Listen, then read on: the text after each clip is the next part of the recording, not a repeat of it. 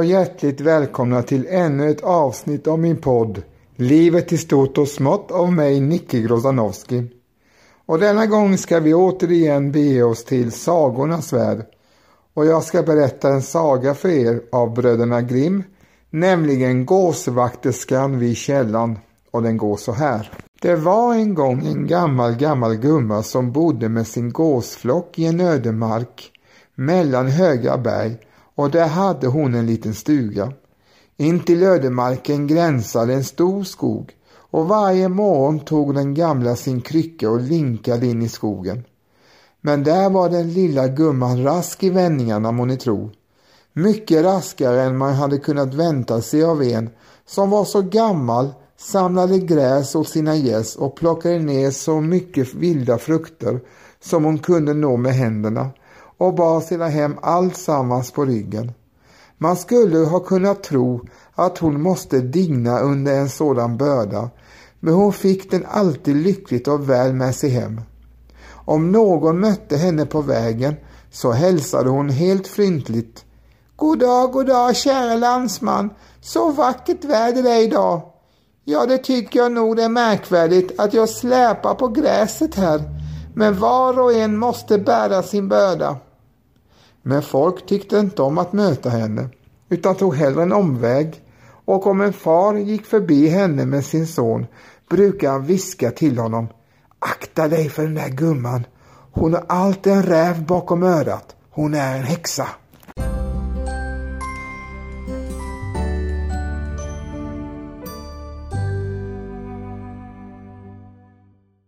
En morgon vandrade en vacker yngling genom skogen.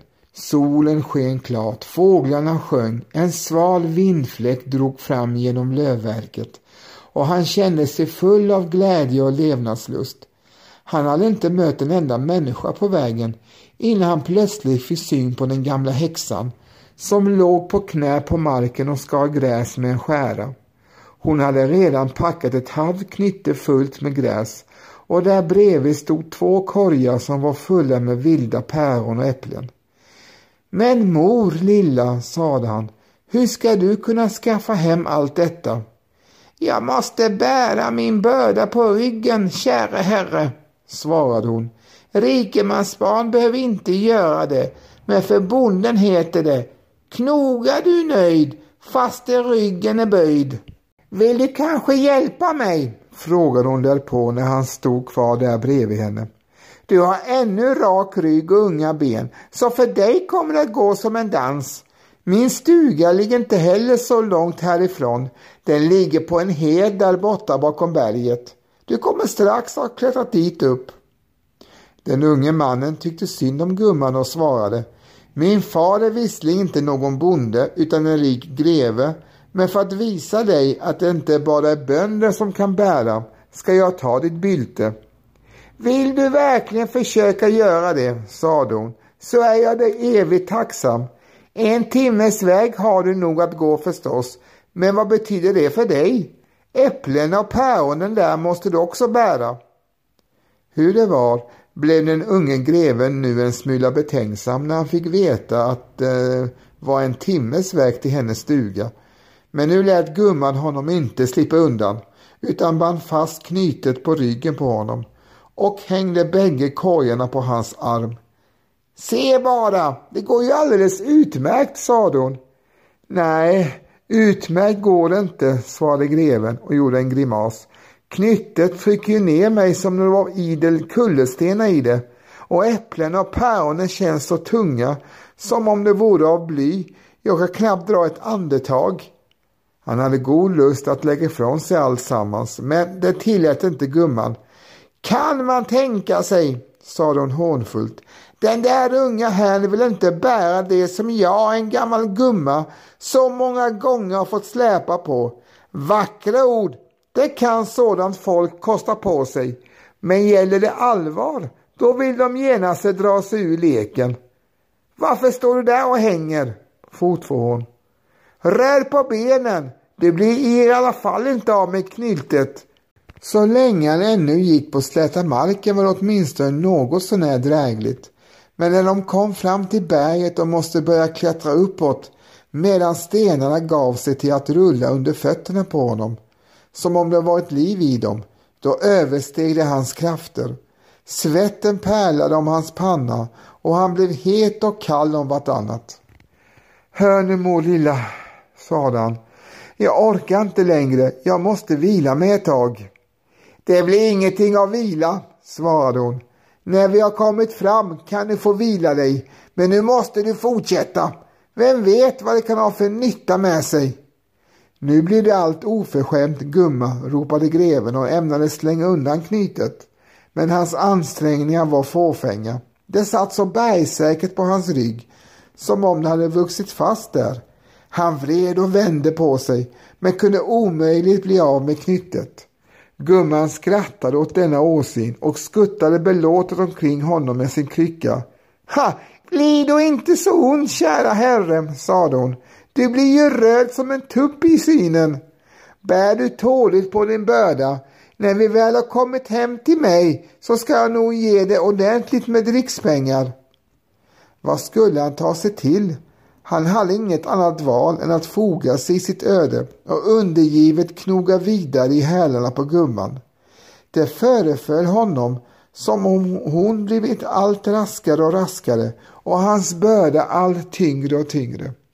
Med ens tog hon ett skutt, hoppade upp på knyttet och satte sig ovanpå. Och fastän hon såg ut som ett torrt skinn var hon dock tyngre än den tjockaste bondjäntan man kan tänka sig. Benen vek sig under den unge mannen, men om han inte gick vidare slog gumman honom på benen med ett spö och med brännässlor. Jämrande och stönande klättrade han upp för berget och kom slutligen fram till gummans stuga just när han var färdig att stötta till marken av trötthet.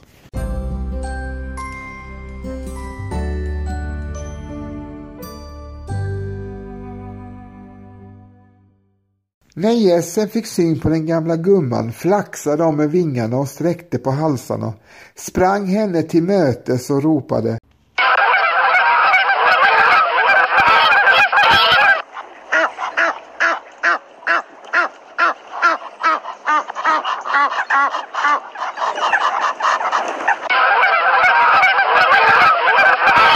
Bakom flocken gick ett kvinnfolk med spö i handen hon var stor och kraftig, men till åren kommen och ful som stryk.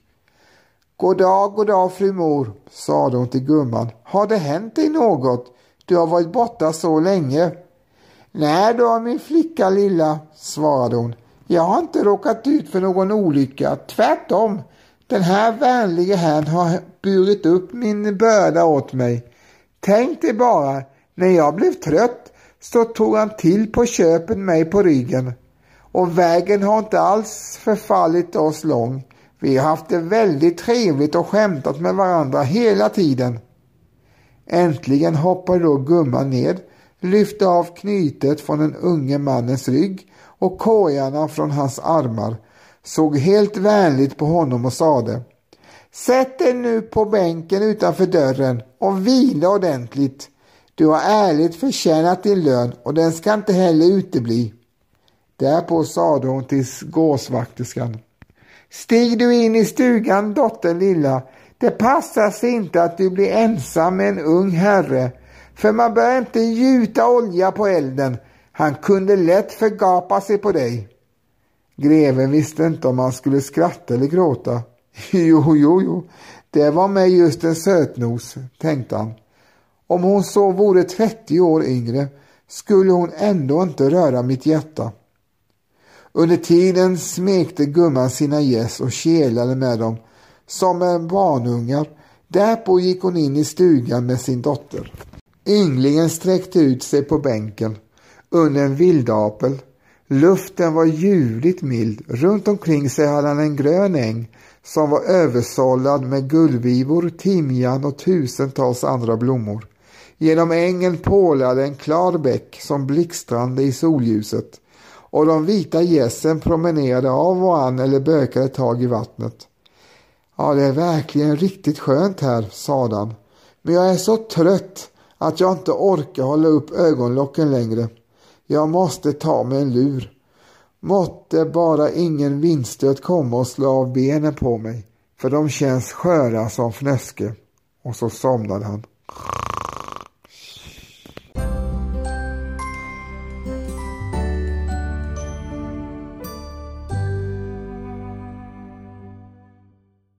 Greven måste irra omkring i vildmarken i tre hela dagar innan han lyckades hitta vägen ut.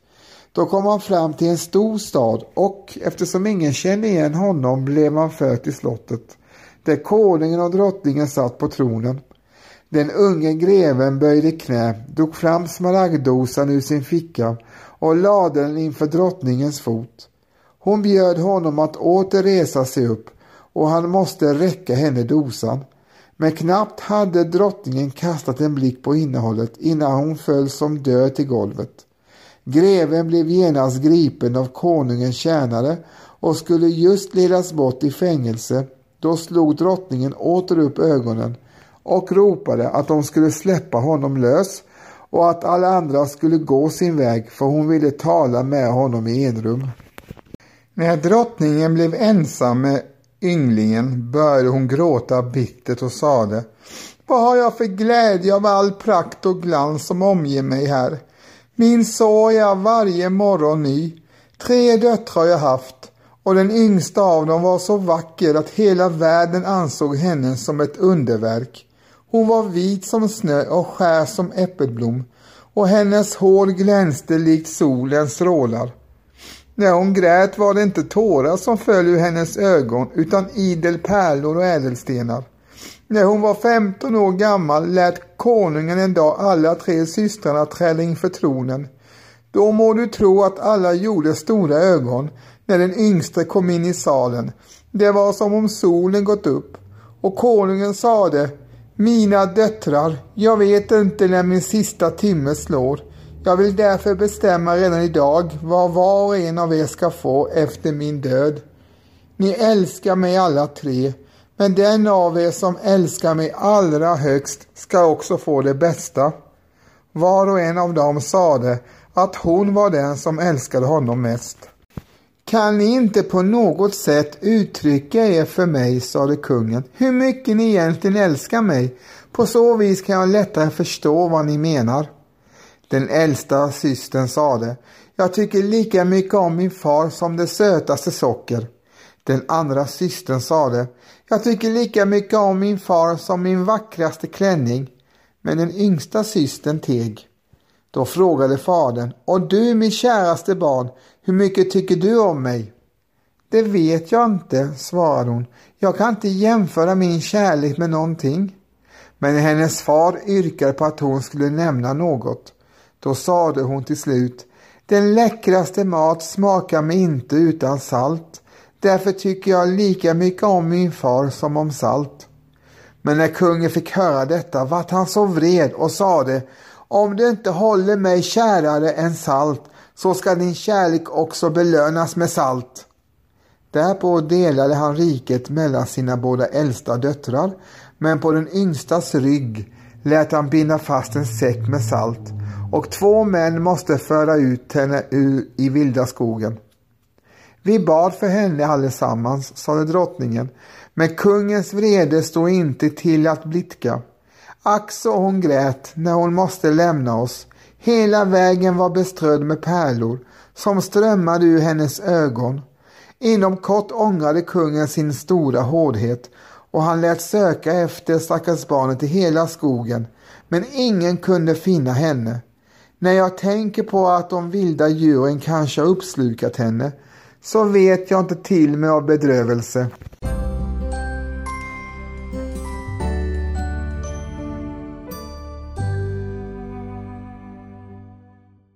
Den gamla satt där ute i vildmarken vid sin spinnrock och spann. Det hade redan börjat mörkna och elden på härden spred blott ett svagt sken. Plötsligt blev det ett fasligt liv utanför för gässen kom hem från betet och lät höra sitt hesa kackel.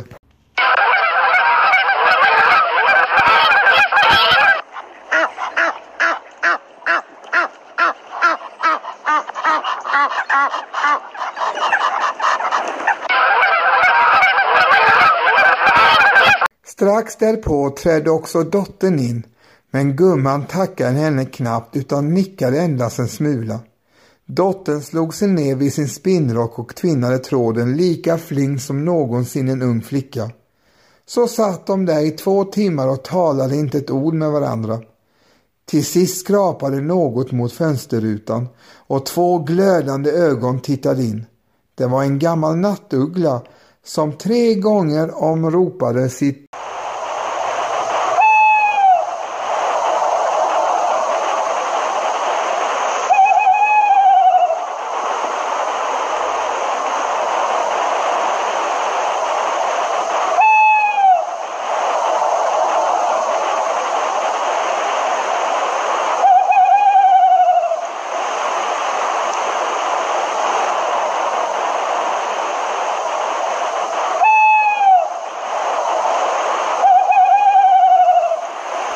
Nu är det på tiden, dotter min, att du går ut och gör vad du skall.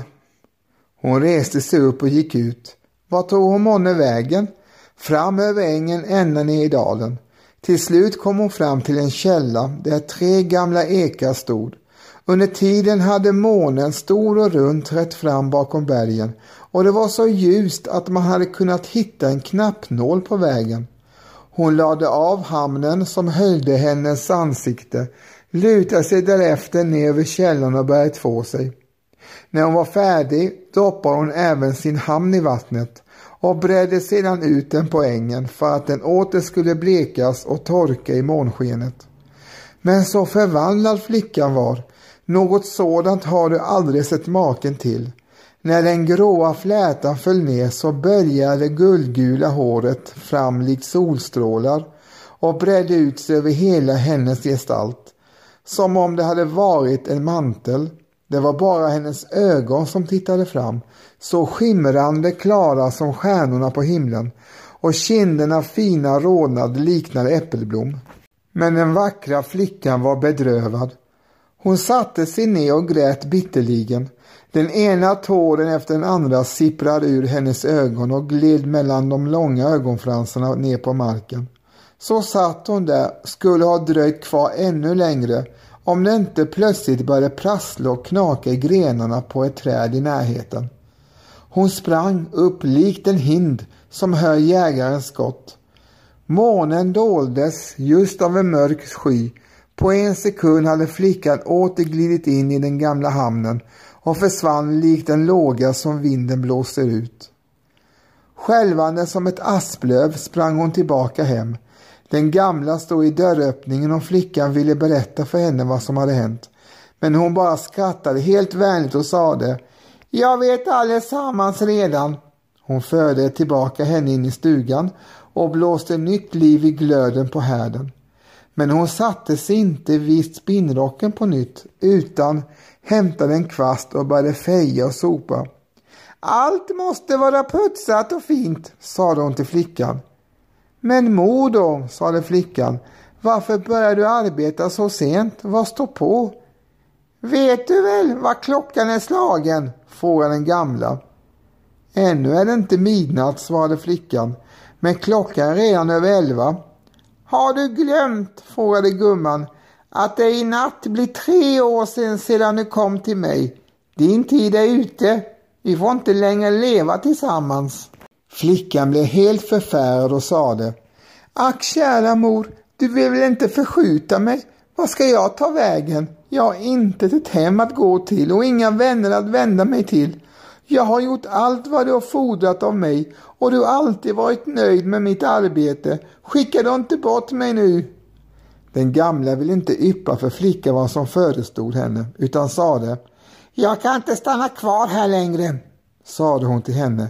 Men när jag flyttar bort måste hela huset vara städat. Hindra mig inte i mitt arbete. Och var inte orolig för din egen skull. Du ska få tak över huvudet och du kommer också att bli väl tillfreds med den lön jag ämnar ge dig. Men så säg mig då bara mor vad som står på, frågade flickan åter. Jag säger dig än en gång, sade gumman, att du inte får störa mig i mitt arbete. Säg nu inte ett ord till utan gå in i din kammare och lägg av hamnen som skyler ditt ansikte och tag på dig de sidenkläder du bar när du kom hem till mig. Vänta sedan inne i kammaren tills jag ropar på dig.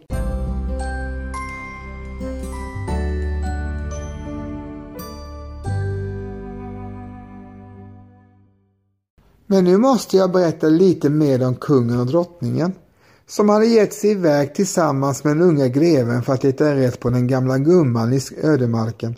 Greven hade under natten råkat skiljas från dem i skogen och måste fortsätta ensam. Följande dag föreföljde honom som hade kommit in på den rätta vägen. Han gick alltjämt vidare ända tills mörkret föll på. Då klättrade han upp i ett träd för att övernatta där, för han var rädd att råka vilse. När månen belyste nejden fick han syn på en skepnad där nere som kom vandrande nerför berget. Hon hade inte sitt spö i handen visserligen, men han kunde dock känna igen henne, att det var samma gåsvakterska som han hade sett vid gummans stuga. Aha, där kommer hon, ropade han, och har jag väl fått tag i den ena häxan så kan inte heller den andra undgå mig. Men hur häpen blev han inte när hon kom fram till källan lade av sig hamnen och tvättade sig när det guldgula håret välde fram över henne och hon var så strålande vacker att han aldrig i livet sett hennes make. Det var knappt han vågade andas.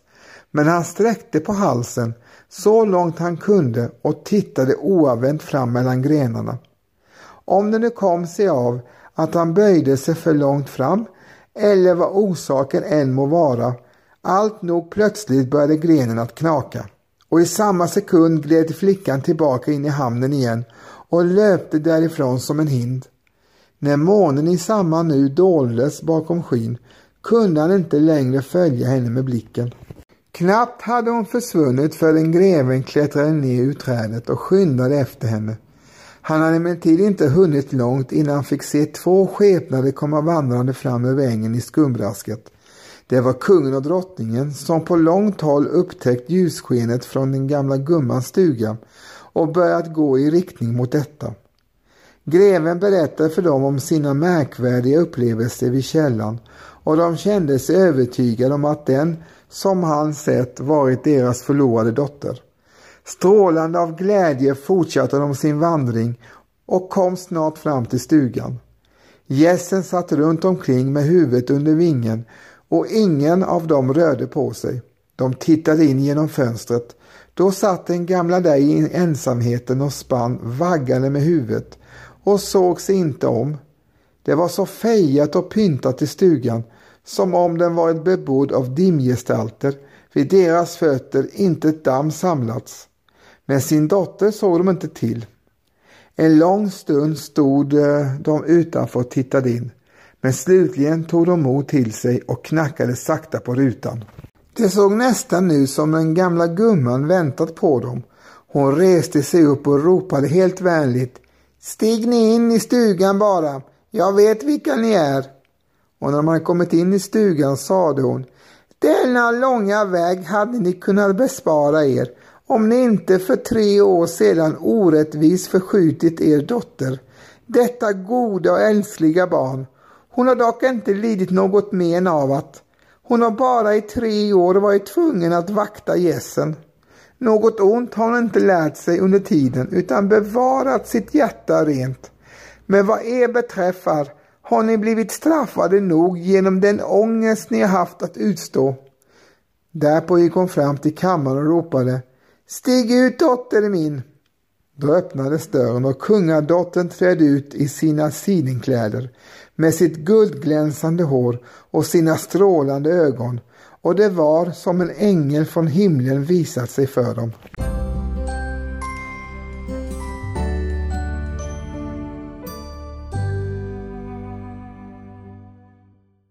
Hon gick fram till sin far och mor, föll dem om halsen och kysste dem och de måste gråta av glädje allesammans, det kunde inte hjälpas. Den unge greven stod bredvid och när hon fick syn på honom purpades hennes kinder som en mossros. Hon visste inte själv varför. Kungen sade, kära barn, mitt rika jag skänkt bort, vad ska jag väl ge åt dig? Hon behöver ingenting, sa den gamla. Jag skänker henne de tårar som hon har gråtit för din skull. Det är idel pärlor det, skönare än dem man hämtar ur havets djup och mera värda än hela ditt kungarike och till lön för sin tjänst hos mig ger jag henne min stuga. I samma stund som den gamle sagt dessa ord försvann hon ur deras åsyn. Det knakade lite i väggarna och när de såg sig omkring hade stugan blivit förvandlad till ett präktigt palats. Ett kungligt festbord stod dukat framför dem och betjänter sprang av och an.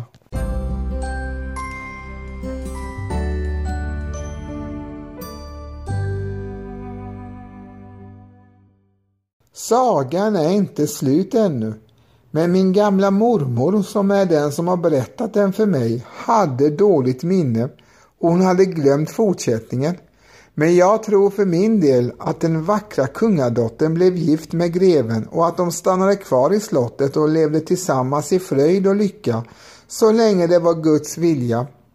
Huruvida de snövita gässen som vallades vid stugan var idel unga flickor jag hoppas verkligen ingen tar illa upp, som gumman hade tagit till sig och som nu återfick sin mänskliga gestalt och stannade kvar som tjänarinnor hos den unga drottningen. Det vet jag inte så noga, men jag håller det för troligt. Så mycket vet jag åtminstone säkert att den gamla alls inte var någon häxa som folk trodde utan en god fe som ville människorna väl. Bestämt var det också hon som redan vid kungadotterns födelse givit henne gåvan att gråta pärlor istället för tårar. Något sådant förekommer inte nu för tiden, annars skulle de fattiga minsann snart bli rika. Snipp, snapp, snut, så var den här sagan också slut.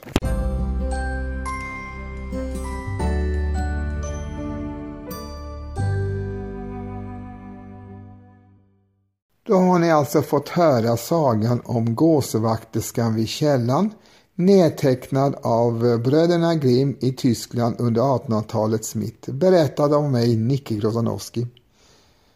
Sagans huvudperson är alltså gåsvakterskan som visar sig vara en förskjuten kungadotter som har blivit förskjuten av sin pappa, kungen själv alltså, eftersom han inte tyckte att hon kunde bevisa sin kärlek till honom stark nog så ledde det till att han eh, gjorde henne arvlös och försköt henne alltså ur riket. Hon eh, tog sin tillflykt ut i skogen där en gammal gumma som bodde där tog hand om henne. Och gamla gummor i skogen brukar ju för det mesta i sagornas värld vara elaka häxor som äter barn. Men i detta fall är det precis tvärtom. Den gamla gumman tar hand om henne och gör så att hon till slut kan komma tillbaka till sitt kungarike igen och gifta sig med greven och allt slutar lyckligt. Jag hoppas verkligen att ni liksom jag tyckte om den här sagan. I avsnittets början fick ni höra Carl Michael Bellman och hans Fjärilvingar syns på Haga eller Frelmans sång nummer 64 som den också heter. Och i avsnittets slut får ni höra gruppen Gotthard med låten Par Deus. Min podd utkommer två gånger i veckan, nämligen onsdagar och lördagar med bonusavsnitt lite då och då, så håll utkik. Och med detta vill jag tacka dig som har lyssnat på avsnittet och hälsa dig hjärtligt välkommen till kommande släppta avsnitt och passa på att under tiden lyssna på tidigare släppta avsnitt. Tack än en gång för att ni lyssnade. På återhörande. Hej då och var rädda om er.